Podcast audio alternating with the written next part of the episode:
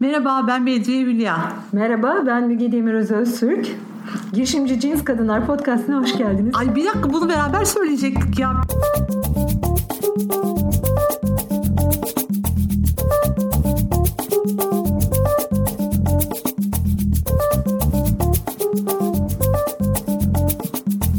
Girişimci Cins Kadınlar Podcast'ına hoş geldiniz. Bugün Moda Cruise'deyiz. Melis Güçtaş'la birlikte.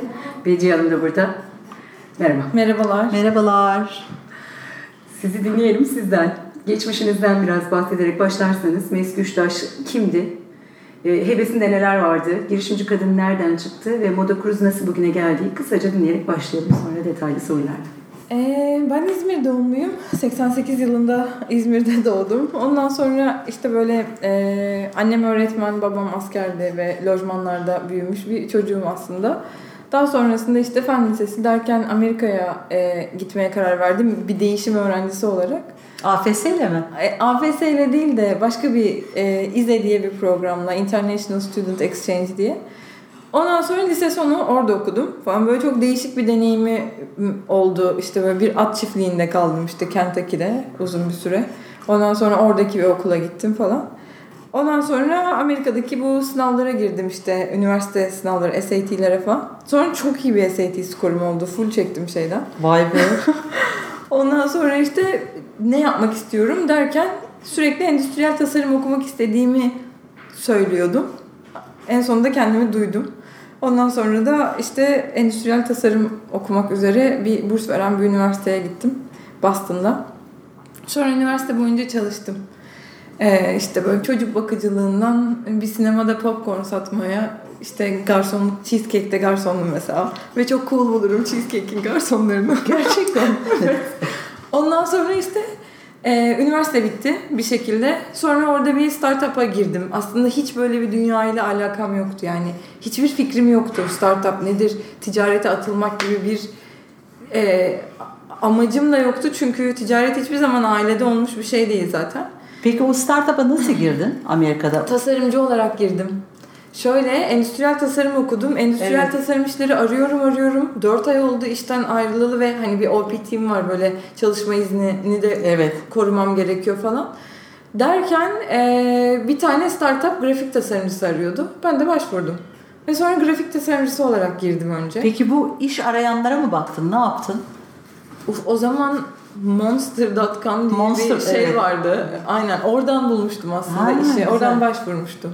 Tamam. Ama ben otomatiğe bağlıyordum. Yani hangi şirketin, çalışmak istediğim bir şirketin İK'cısı hangi günler çalışıyor part time'sa, ofise ne zaman geliyor, bunların hepsini o kadar ince ayrıntısıyla hesaplayıp böyle mes e-mailler atıyordum ki hani böyle. Ha, mes mail derken bir örnek versene. Şey yani işte merhaba ben Melis. Ondan sonra bir cover letter işte. Ben şöyle şöyle birisiyim. Şuradan mezun oldum. Şöyle bir iş arıp şöyle bir değer katmak istiyorum. falan gibi bir template hazırlayıp her yere gönderiyordum bunu. Ama böyle şey hani başvurmanın dışında o kişiyi internetten bulup e-mail adresini falan kafamdan atıp hani oluyor ya böyle işte ya Melis et Modakruz'dur ya Melis Güçtaş et Modakruz'dur falan diye. Hatta böyle böyle e, bir şirkete kafayı takmıştım. TBWA diye bir ajans evet, var ya. Onların Denver'da şey bu arada Colorado'ya taşınmak istiyordum. Denver'da bir şirketleri var. Aha. Dedim ki yani ben bir şekilde Denver'a gideceğim ve onlarla görüşeceğim. Ee, sonra böyle bir üç ay falan e, İK'cılarını bildiğiniz taciz ettim artık böyle e-maillerle. Ondan sonra en sonunda dediler ki gel görüşelim. Al sana uçak bileti, al sana araba, al sana otel. gel bizimle vakit geçir iki gün. Gittim orada interviewlar falan. Colorado'yu gördüm döndüm. sonra bu iş teklifi geldi bununla ilerledim. Takıntılı işte. mısın sen peki? Eskiden öyleydim. Daha çok öyleydim. Ha. Takıntı yani obsesif olduğum konular olabiliyor. Ee, iş konusu da onlardan bir tanesiydi ya. Aklına Gençken. takılanı yapacaksın illa gibi bir şey mi bu? Evet aynen öyle vazgeçmeyi çok kolay kabullenebilen birisi değildim. Ya iyi bir bahane bulacağım vazgeçişimle ilgili veyahut da onu yapacağım bir şekilde yani. Peki sonra startup'a girmek istiyor muydun sen peki yoksa? Hayır ben sadece para kazanmak para istiyordum. Yani. Ben sadece maaş almak istiyordum. Anladım. Güzel. Öyle çok vizyoner bir şekilde başlamadı yani. Sonra e, o startup'a girdim. Grafik tasarımı işte e, banner falan tasarlıyoruz. Banner'da hani böyle reklamlarda, e, dijital reklamlarda kullanılan şeyleri falan. Ya neymiş bu işin matematiği falan filan derken ben dijital marketing öğrendim. Böyle ve ondan sonra bir süre sonra beni dijital marketinge geçirdiler zaten. Ondan sonra e, orada iki sene falan çalıştım ve şirket şeydi yani böyle e, çok ilginç iki kurucusu vardı. Bu çocuklar Harvard'dan mezun oluyorlar. Ondan sonra tabii şey ama bir tanesinin babası Amerika'da governor, diğerinin babasının adına şey var. Library yapmışlar, kütüphane Okay. yapılmış falan. Ama bunlar çok akıllı iki çocuk. Mark Zuckerberg'le de aynı dönem. Tabii işte Mark Zuckerberg Facebook kuruyor vesaire ve bunlar mezun olurken tam Facebook reklam modülünü launch ediyor işte. Ondan sonra bu çocuklar da evden o zamanlar şey vardı ringtone telefonuna Ha, ringtone tabii. indiriyordu. Evet tabii. Telefon e, Facebook'tan ringtone satarak 1 milyon dolar kazanıyorlar bir yılda. Ne? Şaka. Sonra bunu da diyorlar ki okey biz bir iş kuralım. Bu işi kuruyorlar işte benim çalıştığım şirketi. Subscription based bazı ürünler satan bir yerdi bu arada. Tamamen dijital bir şirket. Subscription dediğin nedir? Türkçesini söyler misin? Uf, e, Üyelik. üyelik, e, aynen üyelikli bir şekilde. Tamam. Ondan sonra e, orada biraz öğrendim falan. Sonra bir baktım 16 yaşımdan işte 22-23 yaşına kadar yalnız başıma yaşamışım Amerika'da ve hani birazcık böyle köklerimle bağlantıya geçmek için aslında hem de ailemle daha yakın olabilmek için falan geri dönmeye karar verdim. Bir de böyle şey hani orada çok yeni bir sektördeyim, dijital bir sektör büyüyor. Türkiye'de de yeni yeni başlamıştı o zaman işte e-ticaret siteleri kurulmaya. Dedim ben yine iş bulurum Türkiye'de. Sonra döndüm. Hiçbir yerde böyle istediğim hiçbir yerde iş bulamadım. Bütün e-ticaret şirketlerine falan başvurdum. Türkiye'de? Hı. Sene kaç krizlerden bir tanesi miydi? 2010. Yok ya kriz değil bayağı yatırım almışlardı aslında. Bilmiyorum ben beni istemediler yani e, görüşmelere gittiğimde. Sence niye? Bilmiyorum. Ben olsam beni alırdım bugün. Bence ben de olsam alırdım da onlar niye almadılar sence? Kurucularla konuşmadım. İK'cılarla konuştum genellikle. Ha, İK'cılarla konuştum. Peki bak bu ilginç bir mesaj aslında. Ve benim anlattığım şey e, çok daha business'ın koruyken İK'cı beni şey olarak değerlendirdi. Bu aradığımız bu check check check listeleri Evet. oluyor ya işte ne bileyim detay oriented olsun. Ben hiç detay oriented değilim. All over the place böyle kafam. E, o profile uymadım ya yani Hmm. veya hani bu kız bizim şirkette olmasın diye düşünmüş olabilir herhangi bir sebep yani. Pek de iyi İK'cılar değilmiş galiba. Potansiyeli değerlendirememişler çünkü. Evet ki evet bununla ilgili Evet. daha fazla bir şey söyleyip Evet. insanları şey kızdırmak istemem. istiyorum Evet. burada. İK'cılar çok nitelikli insan sevmiyorlar. Şirket içi dengeleri bozabileceği Yani için. niteliksiz İK'cılar öyle diyelim. Evet, niteliksiz İK'cılar öyle doğru. Çok da yani hani böyle bütün İK camiasına dair konuşmak Değil istemiyorum ama o genelde onların gözettiği şey şirketin içinde bir takım dengelerin olduğu, bir yöneticinin olduğu ve yönettiği bir kitlenin olduğu. Oraya gelecek o insan eğer çok yüksek bir profildeyse e, aman sen overqualified'sın işte bizim istediklerimizden fazla niteliğe sahipsin. Zaten o müdür de senden rahatsız olacak bir zaman sonra. Dolayısıyla hiç biz buna başlamayalım ve girmeyelim. Çok e, gerçekten sizin gibi bir sürü arkadaşım benim çok benzer filtrelere takıldı. Hmm. Ya şey aslında e, bu headhunter dediğimiz kafa avcıları mı diye çevriliyor Öyle Türkçe'de. öyle. Yetenek E, böyle yetenek O da avcıları. tam Ne- tersi. O da gelir modeli dolayısıyla çok çatışıyor şirketlerin yararına bir şey yapabilmek için. Nasıl anlamadım söyleyeyim. Şöyle mesela şirketin içindeki İK'cı Evet. yani o şirketten maaş alıyor Evet. ve farklı bir gelir kaynağı var yani hani Evet. kimi aldığının aslında günün sonunda çok bir önemi yok çünkü zaten karar verici mekanizma da o değil. Hep bir üst tarafa gidiyor. Hı hı. Ee, ama headhunter'ların gelir modeli tamamen e, şirkete bulduğu kişinin işte Evet. maaşının büyüklüğü Evet. üzerinden bir prim aldığı için e, çok niteliksiz profilleri de yağlayıp ballayabiliyorlar. Ha öyle mi? E tabii canım o, e, gelir mi? Yani kimse bu işi sevap için yapmıyor tabii Ama ki. doğru da e, sonrasında oranın memnun olacağı birini bulmak zorunda. Evet işte o dengeyi tutturmaya Evet. tutturmaya çalışan uzun vadeli düşünen işte yine nitelikli niteliksize geliyor. Doğru. Her şeyin Evet, niteliklisi evet, niteliksiz evet. olan. Aslında İK'cılar için de bu nitelikli bir İK'cıysa şirket için o pozisyon dışında bile potansiyel olabilecek insanı yine de ilgili birimlerle görüştürebilir mesela.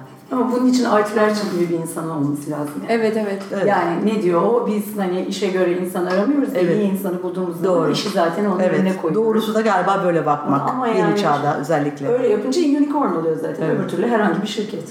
Peki Aynen. sonra seni almadılar işe. Ha, sonra sonra Teknopark'ta bu şey e, Türk.net'i kurup daha sonra işte Sabancılara satmış bir e, iki girişimci var. Ahmet Yürekli, Pınar Görsev. Görsev Evet. galiba söyledi. E, Pınar Kapralı Görsev. Onlar aldılar beni işe. Ve Ahmet Bey şeydi böyle sıfır bir ürün çıkarıyorlardı. Ve ben- ben tecrübelerimi anlattım. Bir hafta içerisinde aradı gel başla dedi ve bana hakikaten sıfırdan yapılacak bir mobil proje teslim ettiler. Vay harika. Ve ben orada bu sefer product management'ı da öğrendim. Yani sıfırdan bir dijital product nasıl yapılır, bunun web sitesi nasıldır, admini nasıldır vesaire falan. Mobil product'tan kastım da bir ya app app değil, uygulama değil yani. Aha. Mobil bir e, site aslında. Orada da böyle bir tecrübe edindim. Yani yine bir startup.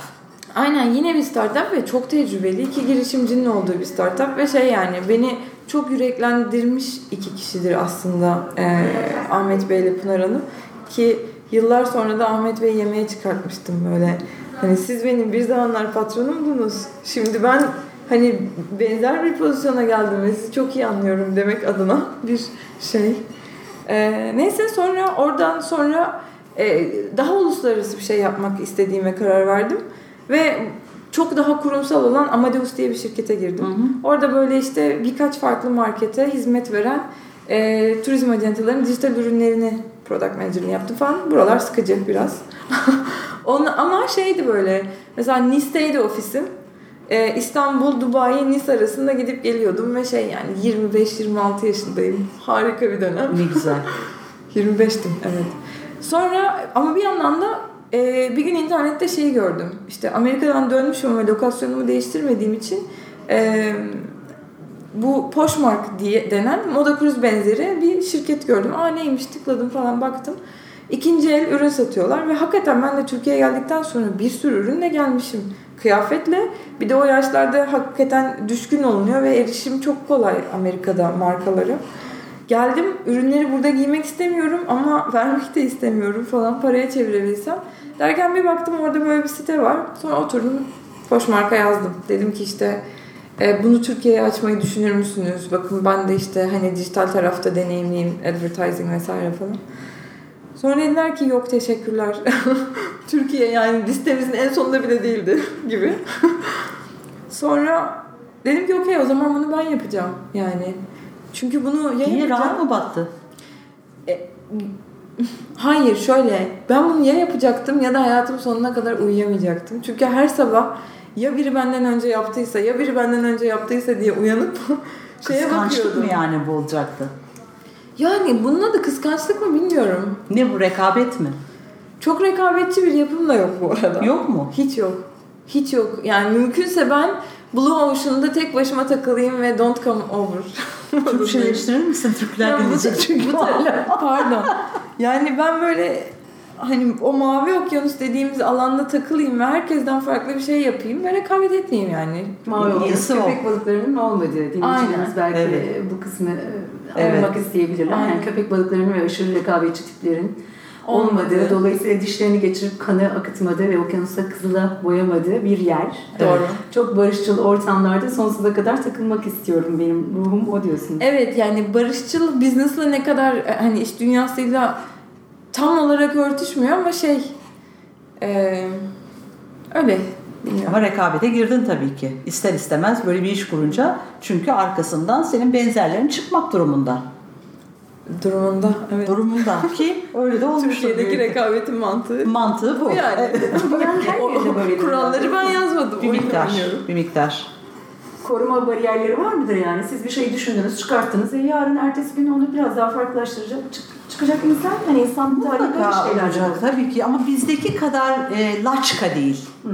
Yani bizde bir şey yaparsın arkasından üç tane daha yanına bakkal dükkanı açarlar gibi bir mantık var. Evet. Peki sonra? Sonra e, o zaman da böyle full time çalışıyorum ya şeyim yani. işi bırakacağım. böyle e, yani hiç böyle kesinliğin olmadığı bir dünyaya alışık değilim zaten. Hani yine hala kafam maaşlı çalışmakta falan. E, sonra ben dedim ki okey ben bunu saat 6'dan sonra yapacağım. Yani bu benim yeni mesaim olacak. Sonra oturdum işte bir gün logosunu tasarladım. Bir gün işte şey aldım. Hala aynı logoyu kullanıyoruz bu arada Moda Cruise'da. Ee, GoDaddy'den domain Aynen, domaini aldım. Ondan sonra- evet. ben izlediğimi hatırlıyorum. Aynen. Çok da bir anlamı yok yani Moda Cruise'un. Moda Cruise bu arada Latince'de şey demek. Çapraz moda Çapraz. anlamına geliyor. Çapraz moda, çapraz trend anlamına geliyor. Tam böyle yaptığımız işe uygun. 7 liralık o domain name bugün kaç lira deneyimde? Ay bilmiyorum. Bayağı pahalıdır. Bakmadım yani. Kaça satıyorlar. Umarım bizden hiç çıkmaz satın almak zorunda kalmayız. Ee, Çapraz moda demiştiniz. Aynen. Logosunu tasarladınız. Sonra e, işte projeyi yazdım, e, arayüzlerinin tasarımını yaptım vesaire. Bu arada da yazacak birilerini buluyor, arıyorum projeyi. Önce bir birisiyle anlaştım, yazdı olmadı, işte yarı yolda bıraktım. Neden olmadı? E, Çünkü şey hani bir yazılımcıyı ikna etmek çok zordu o zaman. Ee, hani vizyonları çok fazla yoktu ya da ben iyi satamıyordum bilmiyorum. E, herkes şey diyor yani kaç para ödeyeceksin bu proje için? Hiç para. Hani hiç para ödemeyeceğim ama bak böyle bir vizyon olabiliri Sen onlara ortaklık mı veriyordun peki? Evet hisse. Ha hisse veriyordun. Para olmadığı için hisse veriyordum. Ne kadarlık bir hisse vermeyi kabul etmişsiniz kendi zihninizden? Ne kadar? Ya istediğimin çok üstünde verdiğimi söyleyebilirim. Daha sonra bu arada iki kişiyle resmileşerek e, çalışmaya başladık falan. Ama sonra e, yatırımcılar da girdi ve şey şirketin büyüme hızında bizim ürünümüz büyüyemedi teknik olarak. Ha. Çünkü e, teknik ortakların kapabilitesi, senioritesi e, istediğim yani şirketin ihtiyacı olan boyutta değildi diyeyim. O zaman ne yaptın? Çünkü çok hızlı büyüyorduk. O zaman işte şey yani yollarımızı ayırmaya karar verdik. Hisselerinin karşılığı ödendi. Ve ben non-technical yani hiç teknik olmayan birisi olarak teknik bir ekibi sıfırdan kurmak üzere yola çıktım. Teknik Yani ekibin içeride mi şu anda senin? Şu an içeride. Evet. Hmm. Bunu yatırımdan sonra mı yapabildin peki? Bunu yatırımdan sonra yapmak durumunda kaldım. Anladım. Çünkü hızlı büyüyorduk. Oldukça hızlı büyüyorduk. Ee, öyle. Peki bu yatırım alma sürecini bir minnacık anlatır mısın? Nasıl oldu? Hani şey e, Poşmark'a yazdım, e-mail attım Türkiye'ye gelir misiniz diye Evet. hayır dediler ya. Hep Evet. şey diyorum mesela o benim aldığım ilk hayırdı. Evet. Ve şey diyebilirdim "Püf, yapmıyorlar ve hayır cevabı geldi. Yılmalıyım herhalde falan gibi. Ondan sonraki hayırlar tamamen yatırımcılardan geldi. Çünkü ben bu arada yatırım ne demek falan hiç bilmiyorum. Dedim ki bu da bir para yatıralım. Bir 6 bin lira koyayım bakayım ne olacak yani bu. Hatta gittim onu kredilendirdim falan böyle. Facebook'a harcıyoruz. Facebook'un da en şey zamanları böyle işte 20 liraya 1000 klik falan alıyorsun. Hani 2 kuruşa alıyorsun kliği Evet. falan. Çok iyiydi. bir de o zaman gördüğümüz her şeye inanıyorduk reklamlara Facebook'ta. Şimdi akıllandık. Şimdi tabii canım çok Ne akıllan- eğitimli bu bir akıllanmış halimiz. en azından reklamlardan korumayı biliyor artık kendi tüketici kendini. evet, doğru bir miktar artınca. Evet. Ee, sonra işte şey baktım çok iyi gitti. Hani 6 bin TL'ye yatırıp 32 bin TL'ye çıkarttık yani şeyi Aro'yu geri dönüşümü. Hmm. Hani 6 lira yatır 32 bin lira al gibi. Dedim olur. Ee, biraz böyle bir startup eventine gideyim dedim. Bakayım kimler var falan. Bir tane de arkadaşım vardı o zaman. O da yatırım almıştı. Hemen kiralığın e, CTO'suydu. Ya dedi bak bu işler böyle böyle oluyor falan. Benim bir şeyi bir kere dinlemem yetiyor zaten. Dinledim. Okey dedim bu lazım demek ki. Ee, çünkü benim şeyim hayalim tabii şu. Ben işte yatırım almak yerine şey yapayım yani kendi kendine dönen bir business Hı hı. var. Ben de gider Dubai'de Evet. yaşarım. Ee, part time yönetirim falan gibi bir proje gibi bakılıyordu önce. Ama sonra işin rakamların ciddiyetini görünce ben de aman tanrım bu düşündüğümden çok daha büyük bir şey olabilir diye e, yatırım aramaya başladım. Ve 10 kişiyi falan gezdim yani. Ha, E, sen sadece- gittin yatırımcılara. Tabii canım. Tamam. Nasıl çaldın kapılarını? İşte bir tanıdığın tanıdığının tanıdığı da yine aynı şekilde üniversitede yaptığım gibi nasıl İK'cıları bulup e-maillerle taciz ediyordum.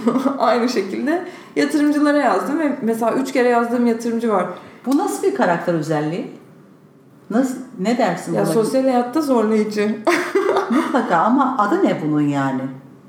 Tenacious. Nasıl Türkçesi bilmiyorum. Ne demek tenacious? Türkçe? Böyle kolay kolay bilmiyorum ya ısrarcı ya da ısrarcı. Israrcı mı? Evet ısrarcı herhalde. Belki ondan daha fazlası vardır dibinde. Varsa da ben o Tür- Tür- Türkçe kelimeyi bilmiyorum. Evet. Yani çünkü her şeye ısrar etmiyorsun anladığım kadarıyla. Bir takım şeylere. Bir takım şeyleri canım. Değil mi? İnatçı bir tarafım var yani. Ama yani her inatçı insan her konuda inatçı olamaz. O zaman aptal bir insan olur çünkü. Heh, sen o zaman akıllıca senin ihtiyacın doğrultusunda bir vazgeçmeyen bir inadın oluyor. Halledinceye Of, kadar. bunu biraz özel bir konuya da girmiş olacağım yani bilmiyorum. Olur İyi gir tabii ki. sonrasında da. Bu iyi bir şey. Mesela bunu şey söyledi bana. Bir terapistle konuşuyordum, Aha. bir terapistle.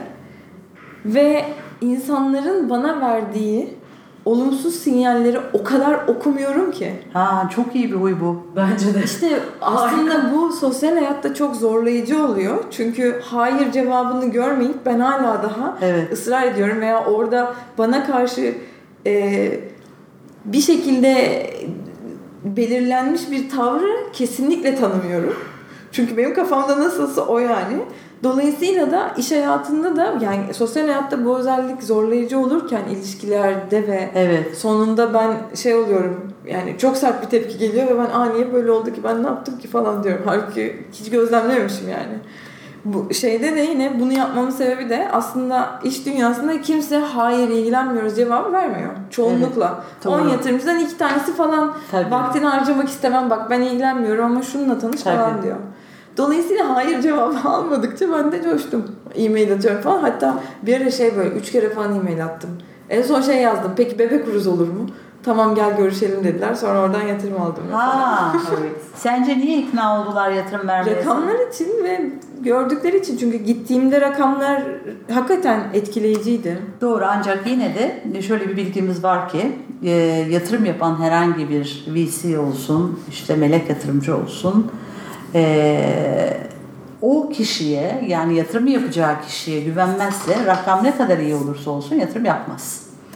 Tamam yani güvenilir bir profiliz de o çok hani fabrika Sence ayarı. senin, yok, sence senin neyine güvendi? Ya ben çok tutkulu bir insanım bir şeyi Güzel. anlattığım zaman. Evet. İşte o hayır cevabını duymamam da aslında bu terapistle konuşurken de aslında Aha. altta şu yatıyor. Ee, o bilgiyle ne yapacağımı bilmiyorum. Yararsız bir bilgi çünkü. Anlatabildim mi? Ve Çok iyi anladım. tutkuyu körük, körüklemekten ziyade böyle e, kom, kompleksite oluşturacak bir şey. O tepkiyi de düşünüp benim bir şey vermem gerekiyor ama o tepkiyi hayatımdan kaldırdığımda pür bir enerji ve tutkuyla ilerleyebiliyorum. Tabii yetişkin yani biraz daha yaşımı aldıkça bunun dengesini bulmaya çalışıyorum. Çünkü öbür türlü gereksiz şeylerde de çok vakit kaybedebiliyorsun. Anladım. O işareti erken okumayınca. Hmm. Tamam güzel. Belki Yani- bu- evet. Sosyal olarak seken taraflarımız iyi bir, bir girişimci olmayı sağlıyor gibi mi algılıyoruz? Olabilir bazen. Tabii. Bazı, bazı, Yani, evet. bazı karakter yapılarında. Evet. Zaten e, genel yani çok daha istatistiksel yaklaşıldığında hani iş konusunda çok iyi olan birisinin hep evdeki dengeleri kaçıktır ya ya da yani Maalesef. sosyal hayatındaki. Genelde böyle bir şey çıkıyor ortaya. Portre. Yani denge zaten çok mediocre bir şey. Yani uç bir şey yapacaksan illaki bir tarafa daha fazla yatacaksın ama şey işte Bunda rayından çıkmak kolay. Evet Onun için rayda tutmak için de böyle birazcık şeye e, destek mekanizmalarına ihtiyaç olabiliyor. Ben de mesela terapiste gidiyorum haftada iki defa. Yani terapistimle konuşuyorum mutlaka. Yoksa yani Peki bir şey soracağım. Sor. Te- terapisti manipüle edip terapiste outline etme durumları oluyor mu? e, şimdi akıllı bir terapist bulmak lazım. işte. Tabii. Onu Yani- yemeyecek biri değil mi? Ha? Onu yemeyecek biri. Bunu ye- sen, evet tabii yani numaraları yemeyecek birini bulmak lazım. Ben de birkaç tane denemem var hayatımda.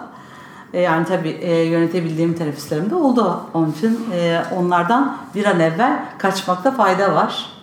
Ya şey Ben ben birkaç podcast'ır yani terapist olmayan kadının girişim, başarılı girişimci olması şey gibi görünüyor böyle birebir ilişki var çıkıyor ya. Hayır hayır hiç alakası yok tabii ki. Yani sonuç itibariyle ama uç bir şeyler yapıyorsan bir yerlerde dengeyi kaçırmak olası oluyor. Olası oluyor, değil mi? Yani evet hayata dair onları da sorarız zaten. Evet. Melisa Bir şey söyleyecektiniz. Ben de işte şey en son gittiğim terapiste artık şey dedim böyle çok terapist terapist geziyormuşum gibi oldu ama e, şey en sonuncusunda dedim ki ya ben yani manipüle etmeye çok yatkın bir yapım var. Çoğu zaman bunu kendim yaptığımı da fark etmiyorum. Hani böyle iyi bir resim çizmeye çalışıyor olabilirim ee, falan dedim. Sen hiç merak etme dedi bana. Gel, gel. çok tatlı bir kadın bu arada. Hadi bakalım çok iyi. Aynen. İyi gitsin inşallah. Peki şimdi eee, yatırımı da aldın. Çok Büyüme de güzel. devam. Evet. Ve geldiğimiz nokta nedir? Şöyle aslında Moda Cruz'un bir işten ziyade e, Türkiye'deki ikinci el moda algısı ve kültürünün oluşmasıyla ilgili de üzerine düşen büyük bir görev vardı. Hı hı. Çünkü ilk ilk olduğumuz için bunu yapmamız gerekiyordu. Dolayısıyla geldiğimiz nokta şu anda baktığımızda yani e, aylık 1 milyon kadın falan ikinci elini satıyor. İşte ne bileyim 300-500 bine yakın ikinci el transaction döndüğünü düşünüyoruz genel olarak. Dolayısıyla da şey e, hani bu 300 dijital taraf offline tarafı da katarsak e, büyüdü yani pazarı büyüttük. Geldiğimiz Hmm. nokta artık e, bunu bir tabu olarak görmekten kurtulmuş ve hızlı bir şekilde bu kültürün akımına giren bir jenerasyon yakalamayı başardık. Evet bu çok ilginç bir şey hakikaten. Çünkü e, insanlar yani sen aa falan böyle ikinci el mi alıyorsun dedirtmemek için bile gereğinden fazla para harcayıp Evet evet yani Moda Cruz gerçekten hani bunu yapmak lider olduğu için aldığı yatırımın aslında gerçekten %50'si e, bizden sonra çıkacakların da yatağını yapmak tabii. üzerine bir de şeyi hazırlamak çok pardon marketi hazırlamak oldu yani görevimiz. Dur sana su verelim. Çok iyiyim. İyi miyim?